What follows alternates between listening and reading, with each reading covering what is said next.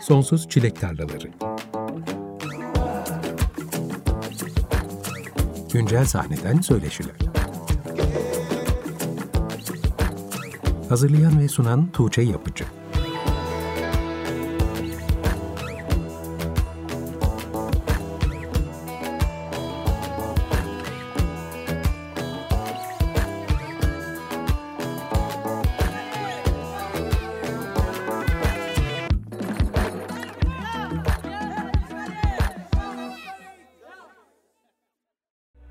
95.0 Açık Radyo'da Sonsuz Çilek Tarlaları programından herkese merhaba. Ben Tuğçe Yapıcı. Programın açılışını Can Kazaz'ın 1 Aralık'ta yayınlanan ve Toprak adlı albümünden Zifir Sessizlikte Bulursun adlı parçasıyla yaptık. Söyleşi yapmayı en çok sevdiğim sanatçılardan birisi olan Can Kazaz bu akşam 2022'nin bu programdaki son konuğu olarak bizimle birlikte. Hoş geldin Can. Hoş buldum. Yılı seninle kapatmak ne büyük mutluluk ve yeni bir albümünle tabii. Nasılsın? İyiyim. E, ciddi bir koşturma içindeyim. Aylardır bitmeyen. Sesim göklerden geliyor olabilir. Evet. Hepsinin bir sebebi var. O koşturma içinde bir yer bulup kendime seninle söyleşebilmek için böyle bir devlet dairesi diyebileceğim bir yerdeyim şu anda. Çok çıplak bir odadasın. Evet, maalesef. Burası bir sınıf. Burada insanlar evet. ders de yapıyorlar. bir takım sandalyeler var ama herhangi bir e, yerde bir kaplama olmadığı için bir işte halı yok, duvarlarda bir ses yalıtımı yok, herhangi bir asılı bir şey yok. O yüzden ses bu şekilde. Aslında biz yayından önce nasıl bunu iyileştirebiliriz diye düşündük ve Can bunun için biraz mikrofonunu ağzına yakın tutarak sizin için bir çaba sarf edecek ama yine de önden bir açıklama yapalım istedik. Seni bu programda konuk edeli tam iki sene olmuş. Aralık 2020'de Kızılgerdan albümünü konuşmak üzere bir araya gelmiştik. Seninle daha önce aynı yıl içinde iki defa Açık Radyo'da buluştuğumuz da olmuş. Bu sadece Açık Radyo'daki dördüncü buluşmamız. Sanırım şu ana kadar benim burada yaptığım söyleşilerde konuk olma rekoru sende. Dün onu fark ettim. Bazen yeni albümler oldukça sanatçılarla daha sık da söyleşi yapıyorum ama seneler içinde karar verdiğim bir şey var. Sanatçılarla iki yılda bir söyleşi için buluşmanın optimum bir süre olduğunu düşünüyorum. Çünkü o arada hayatımızda bir sürü şey oluyor. Sizlerin de hayatında bir takım değişiklikler oluyor. Hı hı. Ve iki yıl sanki iyi bir süre gibi geliyor bana. İki yıl önce bu zamanlarda yine Kızılgerdan albümün yayınlanmıştı. Pandeminin ilk senesiydi. Bambaşka zamanlardan geçiyorduk. Seninle de arada hiç konuşmadık sanırım ama bu dönemde bazı sanatçıların neler yaptığını ara ara merak ettim. Son üç senede sanırım insanları arayıp sorma alışkanlığımı kaybettim ama bu tanıdığım insanları unuttuğum anlamına gelmiyor. Sen de ara ara neler yaptığını merak ettiğim insanlardan biriydin. Bir de galiba sosyal medyada çok aktif olmadığım bir dönemdi ya da ben aktif olmadığım için seni gözden kaçırmış olabilirim. Bu akşam tabii ki yeni albümünden bahsedeceğiz ama ona geçmeden biraz arayı kapatalım istiyorum. Kızılgerdan senin müzikal anlamda farklı bir adım attığın, yeni bir dünya kurduğun bir albümdü. Konserler için yeni bir setup tasarlıyordun o günlerde. Ama sonrasında pandemi çoğumuzun tahmin ettiğinden belki de daha fazla uzadı. Albümün sonrasında belki çoğu sanatçı gibi senin de planladığın veya istediğin kadar çok konser veremediğin bir dönem olmuş olabilir. Kızılgerdan albümünden bu yana nasıl bir süreç yaşadın? Son iki sene senin için nasıl geçti? Albümden sonra bir tabii pandemi olduğu için çok fazla konser vesaire olamadı. Ee, ben de zaten pandemi konusunda oldukça dikkatli davrandım sonrasında çünkü oraya insanların gelmesi vesaire bir sağlık tehdidi de oluşturan bir durum olduğu için hemen konsere gelin falan gibi bir şey e, yapamadım insanlara. Yapmak istemedim. Doğru bulmadım bunu. O yüzden de açık hava konserlerini bekledim. 2020'nin sonunda işte bir konser oldu. Birazcık daha Kızılgerdan'ın tarzına da uygun, daha böyle soulful diyebileceğim, daha R&B düzenlemelere geçtik canlıda. Bunun ardından da çok sık konser vermediğim ama işte festivaller denk geldikçe yavaş yavaş birazcık daha tempo arttırdım. 2020'nin sonuna kadar çaldığım bir süreç oldu. 2021'de tekrar bir duruldum. Tekrar köşeme çekildim. Dediğim gibi aslında sosyal medyada da biraz daha az vakit geçirir bir hale geldim ve şey gibi oldu. Böyle acaba artık şarkı yazamıyor muyum gibi şüphelerim de olduğu bir döneme girdim. Ama bu şüpheye kapılıp biraz kendimi ve dağarcığımı kurcalayınca bir baktım ki bir albüm yapacak kadar şarkı varmış elimde. Farkında olmadan. ee, onları da düzenleme sürecine, yeniden üretme sürecine girdim. O yüzden de birazcık çekildim. Yani az konser, çok üretim bir döneme girmiş oldum. Ve en nihayetinde yakın bir zamanda da işte geçtiğimiz hafta e, albüm çıkmış oldu. O zamana kadar full üretimle kapandım yani. Çok az konser verdim. Sanatçılar genellikle yazamadıkları dönemlerde kendilerini sorguladıklarından bahsediyorlar ama acaba bir sanatçı için, bir şarkı yazarı için kesintisiz bir ömür boyu yazmak, üretmek mümkün müdür diye düşünmeden edemiyorum. Ben de onu düşünüyorum bazen. Yani tabii daha yolun yarısı seviyesinde olduğum için e, düşününce yani ömür boyu şarkı yazmak iddialı tabii. Yani Yani yazabildiğin dönemler olur, daha az yazdığın dönemler olur, hiç yazamadığın seneler olabilir, aylar olabilir. hı. Sanki çok normalmiş gibi geliyor bana bunlar. Tabii normal. Ya ben alışık değilim çünkü sürekli e, yani hiç durmadan sürekli müzik ürettim ben. Yani kendimi bildim bileli neredeyse. Öyle veya böyle. Hı, bu senin için ilk defa olan bir şeydi Bir, yani. bir korkuttu ama olmadı aslında. Yani olduğunu zannettim ben.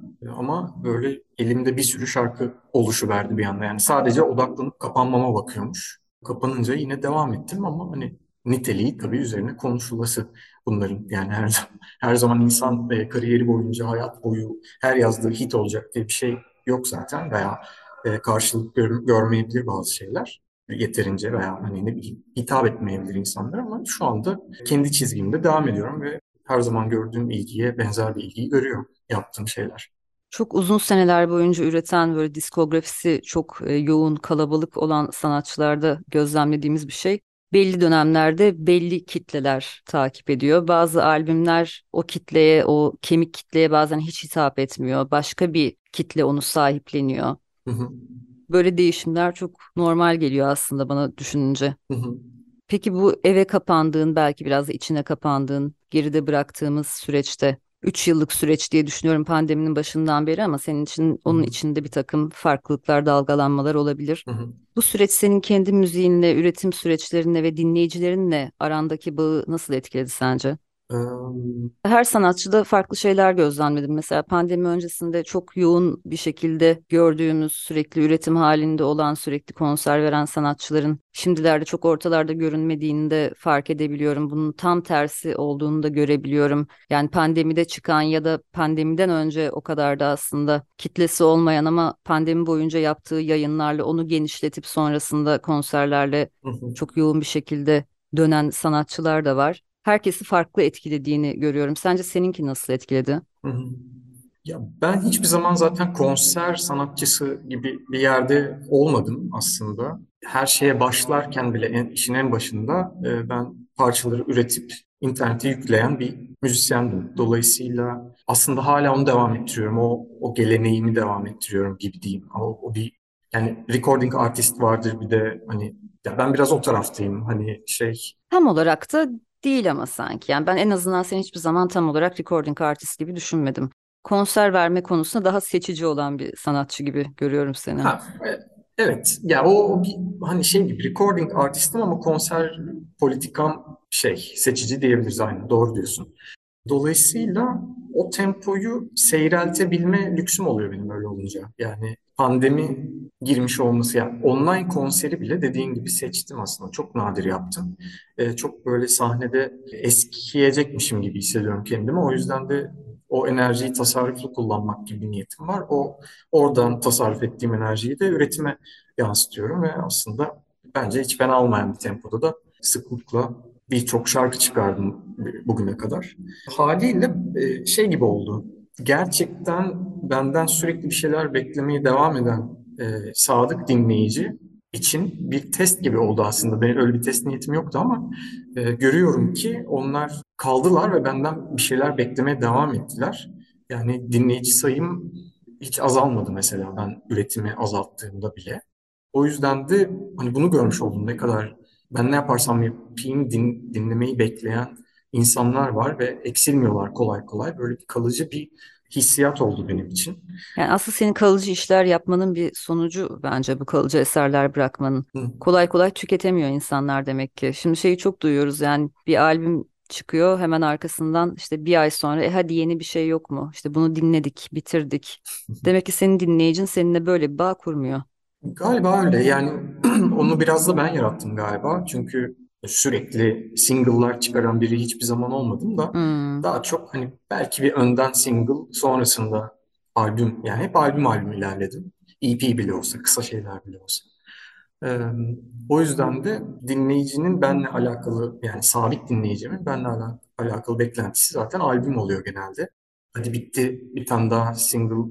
Yani görüyorum bana da geliyor tabii ki böyle talepler ama genelde biliyorlar benim huyumu, albüm çıkarma huyumu. O yüzden e, keyifli, ya daha iyi benim için açıkçası. Ne yalan söyleyeyim. Şimdi son senelerde şöyle bir inanış var. Artık en doğru yöntem sanki single yayınlamak, işte albüm yayınlayınca güme gidiyormuş gibi. Bugün işte hangi plak şirketine, hangi PR'cıya gitsen sana verecekleri ilk tavsiye bu oluyor işte. Albüm hı. halinde verme, yazık olur. Bunları tek tek yayınlayalım. İşte 6 ayda her ay bir şarkı verelim. 2 haftada bir yayınlayalım falan.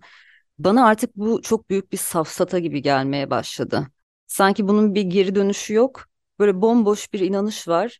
Bir sonucunu da göremiyorlar ama hala oradan da dönmek istemiyor kimse. Çünkü yerine koyabilecek bir şey bulamamışlar. Yeni bir şey bulmaları gerektiğini düşünüyorlar ama aslında belki de hı. eski yönteme dönmek doğru olanmış gibi hissediyorum. Mesela bunu Hedonitopya ile de çok konuşuyoruz. Onlar da her sene bir albüm yayınlıyorlar. İşte hiç single yayınlamadılar bugüne kadar herhalde. Belki bir tane özel bir şey yapmışlardı. Hı hı. Onun dışında onlar da senin gibi albümden önce bir single, sonra albüm. İşte 7 senede yeni onlar da 7. albümlerini yayınladılar. Ve onların da dinleyicisi hep arttı. Hiçbir zaman onlardan vazgeçmediler. Kerem'le Fırat'la konuştuğumuzda onlar da benzer bir şey söylüyor. Yani orada tüketemedikleri bir şey var. Girip işte keşfettiklerinde baktıkları bir diskografi var orada bir külliyat olduğu için Hı hı. keşfedebilecekleri çok şey olması, çok fazla eser olması durumu başka bir yere getiriyor aslında. Sanki doğru yöntem buymuş ama gözden kaçırılıyormuş gibi hissetmeye başladım. Yani bence tek bir doğru yok bu, bu konuda. Hani şey yepyeni bir kariyer inşa etmeye çalışan ve de hani türüne de çok bağlı bu müzik hı. türüne. Oradaki dinleyici davranışı değişiyor çünkü türe göre değişiyor. O yüzden de tek bir formülü var gibi bakmıyorum ben. Kimisi için single single çıkmak işleyebilir ama tek başına şarkıları nasıl bir takvimle çıkardığının aslında ne kadar önemli esas o tartışılır. Yani esas yani kişiye her kariyere uygun bir tempo belirlemek lazım gibi geliyor bana. Evet dediğin doğru bence de mesela şu an rap müzikte single'lar çok daha efektif çalışıyor gibi hissediyorum ama yani senin gibi Hedonitopya gibi durumlarda sanki bu albüm yöntemi daha iyi çalışıyor. Hı hı. Ve şu anlamda da daha iyi çalışıyor. Sürekli single'larla ya da işte sürekli sosyal medyada yer yer saçma sapan içeriklerle diyeceğim. Kendini dinleyicine dayatmadan, sürekli kendine maruz bırakmadan kurulan bir ilişki daha sağlam oluyormuş gibi bir gözlem yapıyorum. Ya olabilir aslında ama bence şey durumu var. Yani dikkati önce bir çekebilmek gerektiği için insanlar Hı hı. ben de buradayım demek için envai çeşit bayrak sallıyorlar aslında. Yani o da Şu an daha zor aslında senin başladığın dönemdense. Sen kesinlikle 2012'de kesinlikle. herhalde ilk albümünü yayınlamıştın. Evet. Hı hı. Şimdi 2010'ların ortasıyla şu an arasında çok ciddi bir fark var dikkat çekme konusunda. Çok ciddi yani platform sayısı arttı, ya sosyal mecralardaki nüfus arttı. Dolayısıyla fark yaratabilmek çok yaratıcı olmayı gerektiriyor ve o aslında o single single çıkma durumu o ihtiyaç olan istikrarın bir şeyi, bir tezahürü yani. Çünkü hakikaten istikrarlı bir şekilde gözüküyor olman lazım ki insanlar toplanıp dağılamasınlar bile. Toplandıkça toplansınlar ve o kitle büyüsün diye yapılıyor o. Ama o dediğin gibi garantisi yok. Çünkü nasıl bir bir ifadenin ve müzikal içeriğin e, nasıl bir dinleyiciye hitap ettiği de çok muallak şu anda yani. Hani kestirmesi çok zor şeyler. Bir takım yani müzik dışı şeyler belirliyor artık bunu bence gördüğüm kadarıyla. Bunu Neredeyse tamamen müzik dışı şeyler belirliyor gibi. Aynen öyle. Yani özellikle de eğer sosyal medyayı çok iyi kullanan ve orada etki gücü yüksek biriyseniz şansınız çok artıyor mesela. Ben hiçbir zaman öyle olmadım bence. En azından hani Facebook döneminde kalmış olabilir benim sosyal medya becerilerim. Ee, o yüzden tamamen müziğe yüklenmiş durumdayım ben mesela. Kendi serüvenim dediğim kariyerimde.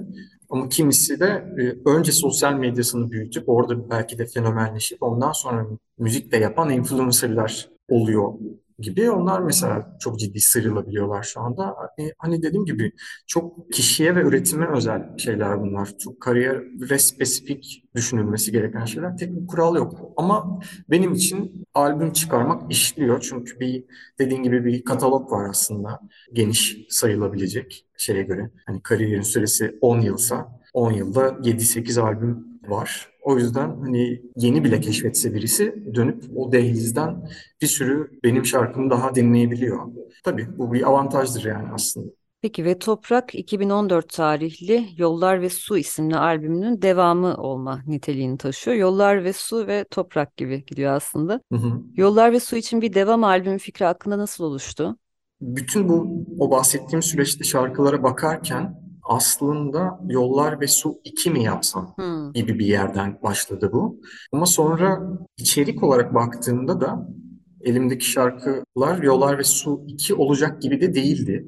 E, aslında böyle mesela bu albüm birazcık daha Ben Sizden Kaçtım albümüne benziyor o karanlık havasıyla vesaire. Haliyle bu başka bir element olmalı diye karar verdim açıkçası. Dolayısıyla su ve toprak arasındaki fark gibi bir atmosfer farkı var bu albümde. O yüzden Yollar ve Su 2 değil de ve Toprak daha uygun geldi. Peki kalan diğer elementler arasından neden Toprak? Çünkü bu daha e, karanlık bir hissiyatı sahip ve o toprağın gerek ağır olma hali, e, gerekse işte o koyu bir renge sahip olması. Senin Toprak'la kurduğun ilişki üzerinden belki de böyle bir karar. Toprağın aslında kelimenin yani fiziksel toprak olgusunu sembolik e, nasıl desem yani nasıl tarif edersin toprağı öyle bir karşılık görüyor ben. Yani toprak koyudur, kahverengidir, bazen nemli ve ağır bir şeydir, bazen kuru ve karanlıktır eğer bir toprağın altındaysan vesaire gibi. Hani bu bütün bu bağlamda bir atmosfer e, şekilleniyor. Biraz yani sadece benim gibi değil de biraz böyle objektif baktığında da toprağa, toprakla ilgili herkesin fiziksel fikirlerini de içeriyor. Ama bu sadece tabii sound ve hani atmo, albümün atmosferi anlamında geçerli bir toprak e, yaklaşımı. İçerikte ise başka türlü bir toprak konusu işliyorum aslında. Can seninle sohbete doyum olmuyor ama albümden biraz daha şarkı dinleyelim istiyorum. Şimdi iki parça daha dinleyelim. Sabır Göğsüme Tohum ve Eğilmez Başın gibi dinleyeceğiz. Eğilmez Başın gibi bir türkü yeniden yorumu. Ondan dinledikten sonra bahsederiz ama Savur Göğsüme Tohum hakkında söylemek istediğim bir şey olur mu dinlemeden önce? Bir toprak kişileştirmesi bu aslında. Birazcık daha böyle hani dilimize yerleşmiş o toprak ana kavramının üzerinden ilerliyor. Toprağın dilinden söylenmiş sözler içeriyor aslında. Ama bir insan da bunu söyleyebilir ve düşünebilir. Dolayısıyla biraz kişileştirme gibi böyle hatta belki fable gibi bile düşünülebilir. Hani gerçi orada hayvanlar konuşuyor galiba ama şey yani toprağın ağzından işte dediğim gibi. Ama duygusal olarak da bir insanın e, hissedeceği, düşüneceği şeyler var bu şarkıda. Benim albümde en sevdiğim diyebilirim. Kolay kolay ayırt edemiyorum aslında normalde ama bu şarkıyı seviyorum. Böyle birazcık da antik bir havası olması için uğraştım. O zaman şimdi Can Kazaz'ın ve Toprak albümünden 1 Aralık'ta yayınlanan yeni albümünden Savur Göğsüme Tohum ve Eğilmez Başın gibi dinleyelim. Hemen ardından kendisiyle sohbetimize kaldığımız yerden devam edelim. Açık Radyo'da Sonsuz Çilek Tarlaları programı devam ediyor. Bu akşam Can Kazaz'la birlikteyiz. Kendisinin 1 Aralık'ta yayınlanan ve Toprak albümünden parçalar dinliyoruz. Savur Göğsüme Tohum ve Eğilmez Başın gibi dinledik. Albümde 8 parça var. 7'sinin sözleri, bestesi, düzenlemesi, miksi sana ait Can. Sadece Eğilmez Başın gibi isimli türküyü tekrar yorumlamışsın. Bu bir türkü mü öncelikle yoksa bir Türk sanat musikisi eseri mi? Konuda böyle farklı bilgiler gördüm internette. Yani Zeki Müren de söylüyor işte Evet. halk müziği icra eden insanlar da Hı hı. söylüyor. Ee, Çok fazla yorumlanmış. Evet yani çok meşhur bir türkü. Benim de bi- bilme hikayem aslında şeye dayanıyor. 90'ların sonu muydu? 2000'in başı mıydı? Beyaz ve bir türkü albümü çıkarmıştı. Beyazıt Öztürk. O da söylemiş galiba değil mi? Evet. Ben oradan biliyorum türküyü. Çocuktum çünkü o albüm çıktığında. İlk defa ondan dinlemiş oldum. Sonrasında da çok sevdiğim bir türkü haline geldi. Albüme nasıl girdi? Dolayısıyla o bir o bir türkü albümüyse hani bu bu Türk sanat müziği değil türkü olmalıdır gibi bir sonuç çıkarabiliyorum şu anda. Hani oradaki çizgi nereden ayrılıyor? Bu çünkü birazcık daha hani Efe'den bahsediyorsam sanki e, sanat müziği değil de halk müziği olmalıymış gibi geliyor. Çünkü sanat müziği birazcık böyle Evet, bir Ege türküsü olarak da geçiyor. Evet, bence doğrusu o. O o yüzden türkü demek daha doğru geliyor.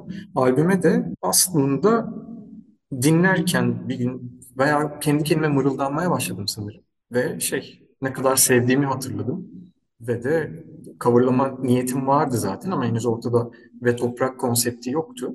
İçerik olarak aslında bu albümde sözlü içerikler bir şekilde bu topraklara dair şeylerden bahsettiği için hani bunu şey gibi kısıtlamıyorum. Türkiye'nin hikayeleri falan gibi bir şey demiyorum da bu topraklara hani tarih boyu gelmiş insanların yaşadığı şeyler buna hani cum- Cumhuriyet dönemi olmak zorunda değil yani. Birazcık öyle bir yerden baktığım için bu konsepte uyabiliyor bir türkünün bu albümde yer alması gibi de baktım. Birazcık daha çünkü hani Ege türküsü olarak konumluyoruz ve bu topraklara dair bir hikaye barındırıyor kendi içinde o da. Dolayısıyla e, albüme girmesi serüveni de bu şekilde yani. Seni peki bu topraklara odaklanmaya iten şey ne oldu bu süreçte? Parçalar biraz oraya doğru itti bir yandan. Çünkü işte bu albüme tekrar e, 2015'te yazdığım Kara Ülkenin Ak Çocukları isimli parçayı da ekledim. Onun dışında ismini bir elementten seçtiğim için aslında sözlü içerik olarak nasıl topraktan bahsedilir üzerine düşünmeye başlayınca otomatikman aslında hani toprağın sadece bir hani coğrafi malzeme değil bir yandan da başka anlamları olduğu için yani bu ülke bu yani tırnak içinde vatan anlamına gelen tarafı da olduğu için o haliyle kullanmış oldum. Dolayısıyla e, bir yerde o konseptin esas içeriği bu oldu. Aslında çok katmanlı anlamlar barındıran bir albüm. Yine senin her zaman yaptığın gibi. Albümde emeği geçen isimlerden de bahsedelim istiyorum. Bu defa kimleri görüyoruz albümün künyesinde?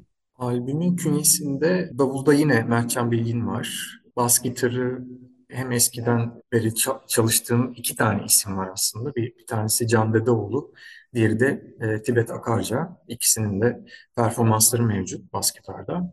Onun dışında mastering tarafı var. Babacımda yapıldı. Güven Soysal tarafından. Ve Dolby Atmos mixlerinde Hakan Kurşun yaptı. Gitarlar bu sefer sende. Evet, gitarlar bende. Yoksa hep mi sendeydi kayıtlarda? Yok, et, ba, yani eski albümlerimde bendeydi. Ee, ben Sizden Kaçtım ve Sürsün Bahar ve Kızıl Gerdan'da Efe Demiral çalıyordu. Şimdi yani vokaller işte bütün yani aslında davul ve bas gitar dışında e, duyduğunuz bütün enstrümanları ben çalıyorum albümde. Bu arada Son Orman adında taze bir oluşum kurdun. Ben de bu programda Hı zaman hı. zaman bağımsız plak şirketlerinin temsilcilerini konuk edip onlarla birlikte kataloglarından bir seçki dinlemeyi seviyorum. Çünkü onlar benim bilemeyeceğim hikayeler anlatıyorlar sanatçılarına dair. Hı hı. Aslında sadece bunu konuşmak için bile seni konuk etmek istemiştim ama belki katalogdan bir seçki de dinleyebiliriz diye biraz zaman geçmesini, yeni release'lerin sayısının artmasını beklemek istemiştim. Bugün yeni albümün vesilesiyle buluşmuşken senden Son Orman'ını biraz öğrenelim istiyorum. Senin daha önce Bilgi Music Label'da da bir mesain olmuştu ama bu defa kendi label'ını kurdun. Ama sanırım Son Orman yalnızca bir label'da değil. Yani sosyal medyada anlattıklarından bana daha geniş kapsamlı bir yapı gibi göründü. Hangi alanlarda çalışmalar yapıyorsunuz? Aslında bir müzik kariyerinin ihtiyacı olabileceği her çözümü sunmaya çalışıyorum. Bunu da aslında bugüne kadar edindiğim hem deneyim hem de sosyal kaynakla yani networkle sağlayabiliyorum. E, kendi prodüksiyon hizmetim diyeyim onu da e, sürdürmekle beraber yani aslında hem aranjör, prodüktör, ses mühendisi olarak biri için çalışabilirim.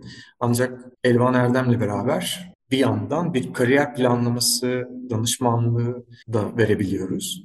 Onun dışında medyaya müzik yapılabiliyor, yapabiliriz. Yapmışlığım olduğu için yani aslında bütün faaliyetlerimi, müzikle ilgili faaliyetlerimi bu alanda he- hem ben hem de Elvan'ın aslında e, faaliyetini bu alanda topladık ve tam bir müzik kariyeri kolaylaştırıcısı ekosistemi gibi bir marka oluşturmaya karar verdik. Bunun üzerinde de çalışmalar devam ediyor ve tabii ki hani yapım, dağıtım imkanımız da var ve de müzik üretim imkanımız da var. Bizimle çalışan sanatçılara eğer ihtiyaç duyuyorlarsa grafik tasarım desteği e, gibi şeyler sağlayabiliyoruz. E, onların imaj ve iletişim danışmanlığını yapıyoruz. gibi gibi aslında yani bir müzik kariyerinde yol almak isteyen birinin ihtiyacı olabileceği her alanda mutlaka bir çözüm sağlayan bir yapı bu.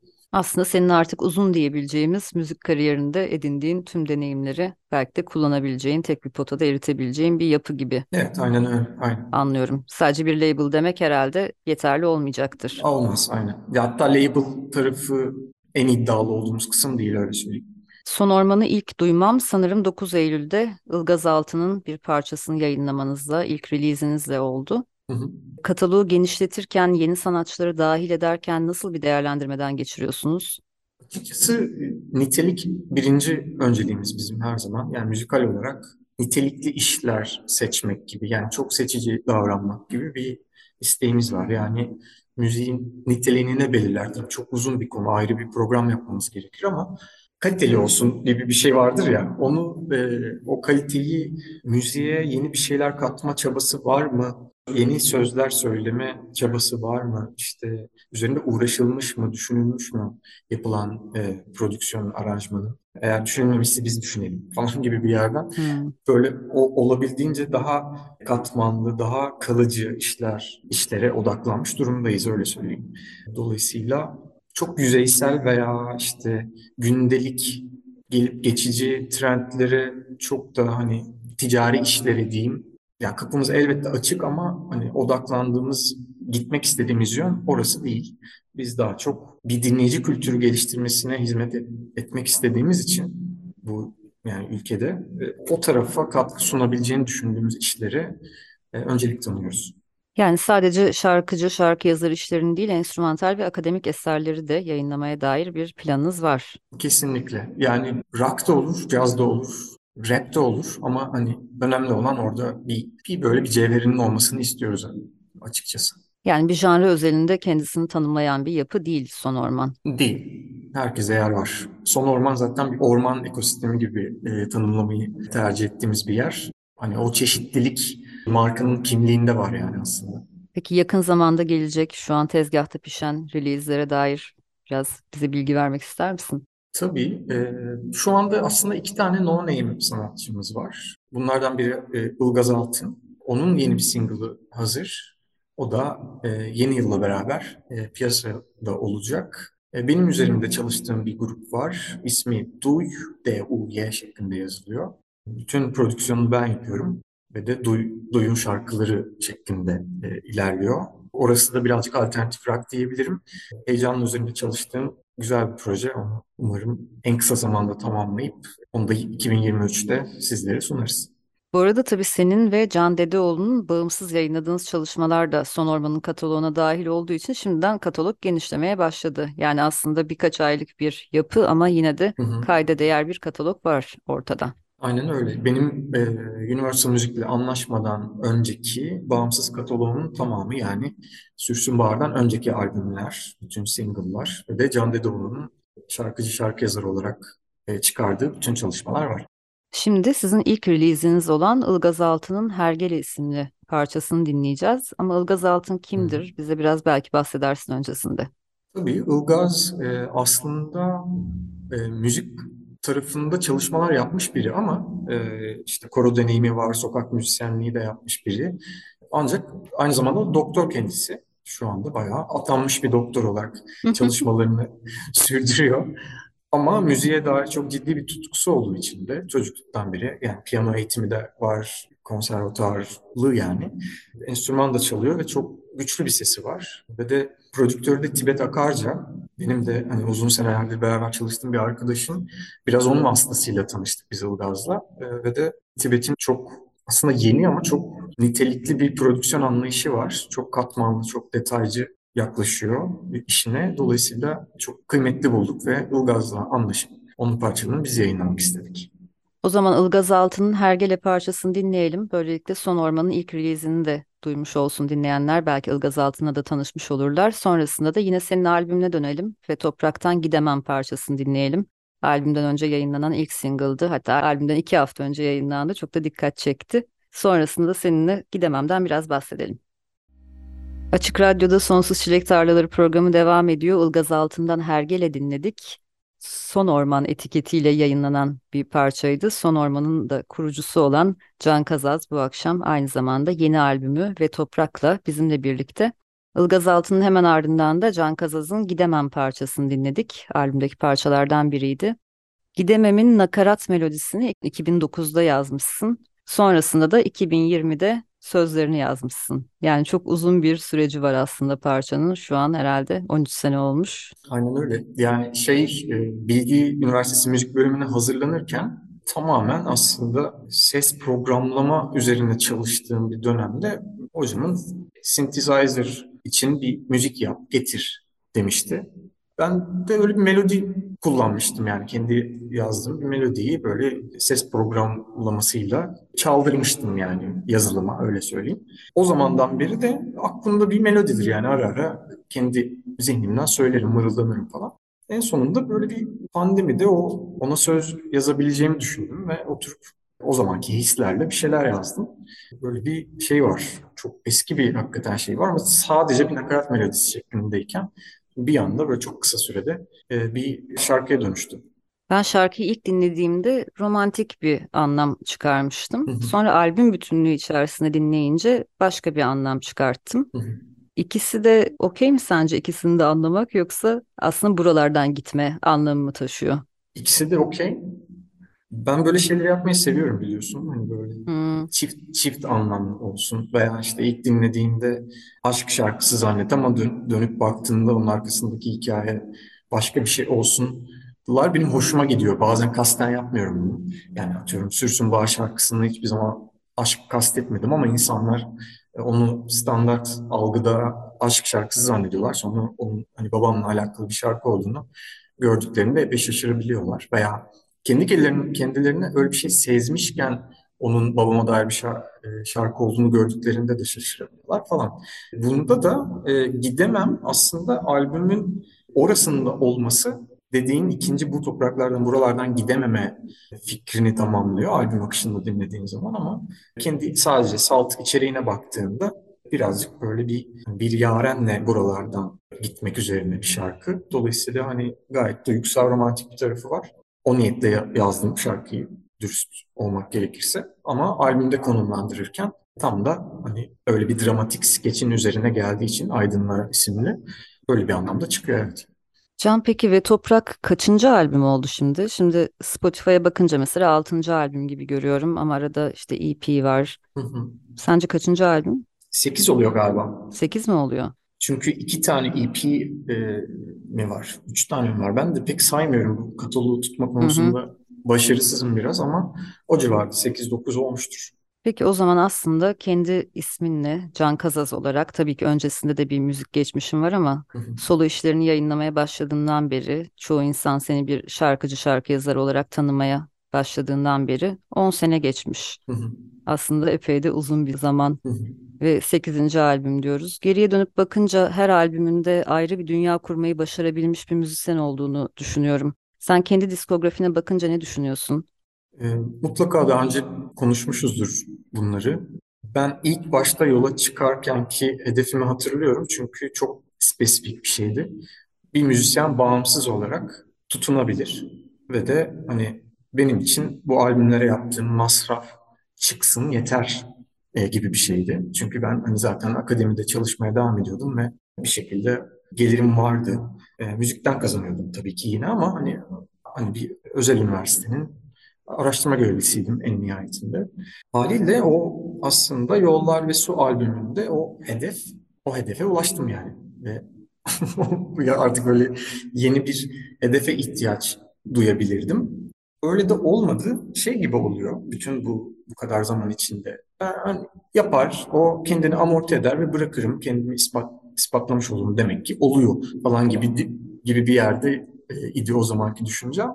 Ama öyle olmuyor çünkü insanları insanlarla duygusal bağ kuran bir şey böyle bir seninle senkronize olduklarını hissettiğin bir şey ver- verdikçe onun devamını isteyen insanlar oluyor ve ona çok kıymet veren insanlar oluyor. Ben de kendi kıymet verdiğim bir şeye hiç tanışmadığım bir sürü insanın bu kadar kıymet verdiğini görünce aslında bir, çeşit sorumluluk da hissetmeye başlıyorum.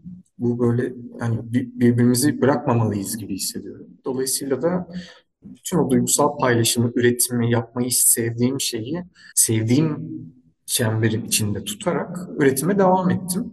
Şimdi dönüp bakınca hani bırakırım ya o kadar kolay bir şey değilmiş. Ee, hakikaten şarkı yapıyorum artık hayatımı bundan geçindiriyorum ve e, haliyle dönüp bakınca ne kadar çok şey yapmışım ya falan diyebiliyorum maksimum. e, Biraz da yol belirledi belki. O insanlarla kurduğun iletişimin de etkisi var tabii ki bunda. Evet yani tabii yani şey istiyordum insanlar harekete geçsinler birazcık benimle herhangi bir şekilde. Yani mesela biri resim çizsin üzerine, biri video çeksin, biri şi bir şiir daha yazsın, biri başka bir şarkı yazsın falan. Hani bir böyle bir sanat üretimini veya ifade üretimini tetikleyen bir e, yerde olmasını istedim her zaman. Dolayısıyla o, olabildiğince de bunu yapabilmek için çok samimi kalmak gerekiyor. Yani sahte sırf tutsun diye veya işte ne bileyim sırf yapmış olmak için hiçbir şey yapmadım. Ee, bu şekilde böyle bir şeyim var, huyum var yani. Aslında bu böyle bir meslek gibi değil de bir alışkanlık gibi artık benim için nefes almak gibi yani. Bir önceki bölümde müziğin niteliğini ne belirler diye sormuştum. Ben notumu aldım. Bir gün belki öyle bir program yaparız. Can Kazaz'la müziğin niteliğini ne belirler diye. Olabilir. Bana mesela hep şey gibi geliyor. Müziğin niteliğini belirleyen temel şeylerden birisi müziğin değil de aslında genel anlamda bir herhangi bir sanat eserinin ilham vermesi. Yani ilham verebilmesi başka sanatçılara, başka insanlara bir şey üretebilmek adına. Sanki bu çok önemli bir gereklilik gibi geliyor. Evet. Sen de şimdi ilhamdan bahsedince. Yani evet ilham kavramı da başlı başına program konusu olur tabii. Ee, bilemedim ya. Bunu hakikaten ayrı bir program tartışsak. Çünkü yani ilham e, herhangi bir şeyden ilham alabilir insan çünkü düşününce. Dolayısıyla hani şey de var yani. Çok kötü bir şey yaparsın ve hani ne yapmaman gerektiği konusunda başkasına ilham verirsin falan gibi bir şey de olabilir. O yüzden hani o orada kafamda çok büyük bir ağaç böyle dallanıp budaklanıyor şu anda bu söylediğim cümle üzerinden. Girelim mi oraları bilemedim. Tamam ben notlarımı alıyorum başka bir buluşma için. Şimdi programın sonuna yaklaştığımız için aslında seni bu konuda sıkıştırmak istemiyorum. Çünkü sen doğru zamanı bilirsin. En doğru zamanda ne gerekiyorsa yaparsın ama dinleyenler merak ediyor olabilirler. Acaba yakın zamanda ufukta görünen bir konser var mı? Belki ve Toprak albümü için bir lansman konseri olabilir ya da lansman olmak zorunda da değil tabii. Yani ben şey çok artık lansman konseri biraz içi boşalmış bir kavram gibi gelmeye başladığı için normal konser yapalım. O, o da onlardan birinde de ilk defa bu albümü çalalım gibi bakıyorum. Şu anda yakında netleş, tarihi netleşmiş bir konser yok. Üzerinde çalışıyor menajerlerim diyeyim. O da muhtemelen yeni yıla kalacak. Çünkü Ocak'ta birazcık Ocak ayının geçmesini bekleyeceğiz. E, ondan sonra herkes şehre döndükten sonra, şehirlere kalıcı oldukları yere döndükten sonra Şubat gibi konserler başlar diye ümit ediyorum şu anda. Peki eminim dinleyicilerin ve Toprak albümünü sahnede canlı dinlemek için hatta sana eşlik ederek şarkıları söylemek için sabırsızlanıyorlardır. Can çok teşekkür ederim. Seninle bir araya gelmek her zaman çok büyük mutluluk. Biliyorsun ne kadar seninle söyleşi yapmayı sevdiğimi. Benim için de öyle. Çok teşekkür. Yıl bitmeden yeni bir albüm daha bize bahşettiğin için de teşekkür ederim ayrıca. Rica ederim. Tüm dinleyenler adına teşekkür etmiş olayım. Son olarak eklemek istediğim bir şey var mı? Yine sen de çok harika hazırlanarak ince ince en böyle merak edilmesinden hoşlandığım şeyleri merak edip e, bana sordun. Çok sağ ol e, bu e, detaylı hazırlığın içinde, e, soruların içinde. Çok da üstüne söylenecek bir şey yok galiba. Albümde o kadar çok şeyden bahsettim ki bütün dertlerim, kaygılarım e, onun içerisinde var gibi dinlerseniz sevinirim. Dediğim gibi çok fazla söyleşi yaptığımız için bu sefer çok akışına bırakmak istedim. Notlarımı böyle bir kenara atıp senin söylediklerin üzerine aklımdan ne geçiyorsa genellikle onları sordum. Ama en sevdiğim söyleşilerimizden biri oldu sanırım şu andan itibaren. Çok teşekkürler tekrar Can. Çok teşekkürler. Bu haftalıkta Sonsuz Çilek Tarlalarının sonuna geldik. Bu akşam Can Kazaz'la beraberdik. 1 Aralık'ta yayınladığı ve Toprak adlı yeni albümünü, 8. albümünü konuştuk ve albümden bir seçki dinledik. Aynı zamanda yine kurucusu olduğu Son Orman yapısından bahsettik ve Son Orman'ın ilk release'ini de dinledik. Ve böylelikle aslında senenin son konuğunu da ağırlamış bulunuyorum. Sene boyunca gerçekten çok sayıda konuk ağırladım. Ve önümüzdeki hafta artık 2022 yılı özetine geçeceğiz. burada bir en iyiler listesi yapmak istemediğimi her zaman söylüyorum. Ancak benim radarıma takılan ve benim bu sene en çok dinlediğim işlerden bir seçki yapacağım. Önümüzdeki iki hafta boyunca yani aralığın son haftasını ve ocağın ilk haftasını bunu ayıracağım. Sonrasında yine konuklarla devam edeceğiz. Bu senenin albümlerinden de hala ağırlamak istediğim sanatçılar var. Onlarla yeni yıla gireceğiz. Son olarak Can Kazaz'ın albümünden Anlatsam Dinlenir mi adlı parçayla sizlere veda ediyoruz bu akşam. Gelecek hafta görüşünceye kadar hoşçakalın.